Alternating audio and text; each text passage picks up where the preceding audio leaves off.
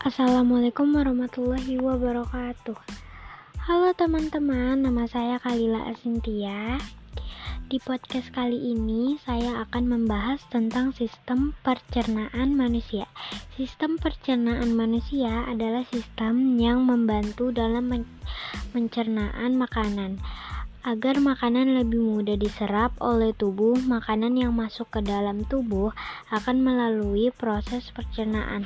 Proses perjalanan makanan dari mulut sampai ke pembuangan disebut sistem pencernaan. Makanan yang tadinya kasar akan berubah menjadi halus dengan bantuan gigi dan enzim. Organ pencernaan manusia terdiri dari enam bagian, yaitu mulut, kerongkongan, lambung, usus halus, usus besar, dan anus. Sekian podcast dari saya, semoga bermanfaat. Wassalamualaikum warahmatullahi wabarakatuh.